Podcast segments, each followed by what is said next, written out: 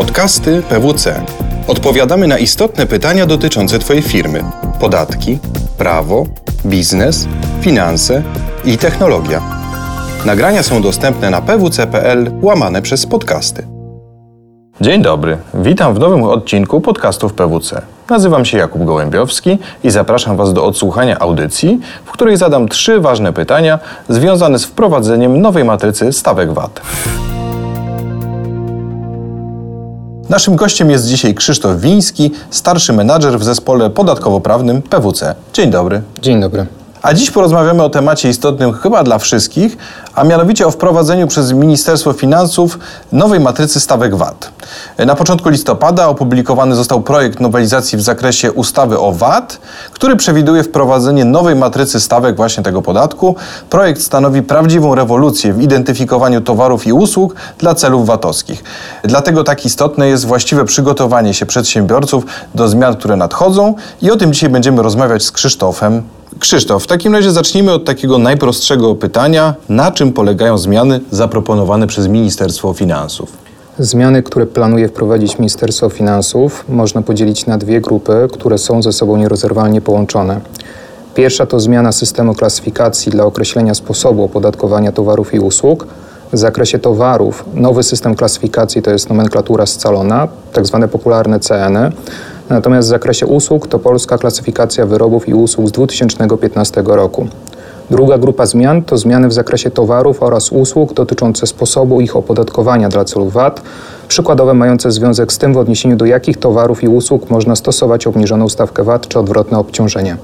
Okej, okay, to w takim razie mm, to jest takie ujęcie teoretyczne tematu, a teraz spróbujmy się zastanowić nad tym, jak należy przygotować się do nadchodzących zmian. Przede wszystkim należałoby zacząć od analizy poprawności zastosowanej klasyfikacji wobec sprzedawanych towarów i usług w celu wykluczenia możliwości powielania błędów już na gruncie nowych regulacji. W dalszej kolejności warto dokonać przeklasyfikowania towarów z polskiej klasyfikacji wyrobów i usług na nomenklaturę scaloną. W zakresie usług oczywiście będzie to PKWiU 2015. Tego rodzaju ćwiczenie pomoże nam pokazać, że pozostaje obszar towarów i usług, wobec których mamy duże wątpliwości, do jakiego kodu CN albo PKWiU należałoby go przyporządkować. W związku z powyższym pozostaje nam ostatni etap w postaci wystąpienia po 1 kwietnia 2019 w zakresie towarów i usług wątpliwych o wydanie wiążącej informacji stawkowej. E, wyłącznie taka sekwencja czynności pozwoli nam na bezpieczne i spokojne przygotowanie się do nadchodzących zmian.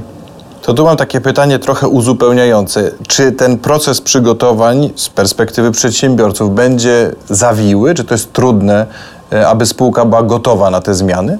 Proces przygotowania się na nadchodzących zmian będzie dosyć zawiły z uwagi na to, że przedsiębiorcy posiadający w swoim portfolio sprzedażowym dużą ilość towarów i usług będą musieli dla każdego z tych towarów i usług określić nowy system klasyfikacji i nową stawkę VAT. Zakładając, że jakiś przedsiębiorca, który prowadzi działalność w zakresie sieci sklepów, będzie musiał przeanalizować około 300 tysięcy e, pozycji produktowych, żeby przygotować się na nadchodzących zmian.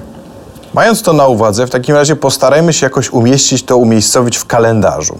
Kiedy te zmiany, o których rozmawiamy, mogą wejść w życie? Zmiany wejdą w życie co do zasady z dniem 1 kwietnia 2019. Należy jednak tylko podkreślić, że w ograniczonym zakresie związanym z prowadzeniem wiążącej informacji stawkowej oraz 5% stawki VAT na publikacje, czyli e-booki i e-czasopisma. Natomiast co do zasady nowa matryca stawek VAT w tym nowym, nowej wersji wejdzie z dniem 1 stycznia 2020. Okej, okay, czyli tak można, myślę, delikatnie podsumować, że zaproponowany przez Ministerstwo Finansów okres na dostosowanie się do nadchodzących regulacji jest wystarczający. Czy możemy się z takim twierdzeniem zgodzić? Jest wystarczający, ale tylko i wyłącznie w przypadku, gdy przedsiębiorcy odpowiednio wcześniej podejmą działania we własnym zakresie z uwagi na powyższe, czyli mówiąc krótko, w tym przypadku, jeżeli mamy dużą ilość towarów, dużą ilość usług, zajmie to nam bardzo dużo czasu, żeby przeanalizować, czy spełniamy wszystkie wymogi określone w nowelizacji. Czyli tak naprawdę zaczynać trzeba już dziś. Bardzo dziękuję za wysłuchanie tego odcinka, a Krzysztofowi za ciekawą rozmowę. Dziękuję bardzo. Podobał Ci się odcinek? Podziel się z innymi oraz śledź nasze kanały. Więcej podcastów PWC znajdziesz na stronie pwc.pl ukośnik podcasty oraz w aplikacjach iTunes i Google Music. Do usłyszenia w kolejnym odcinku.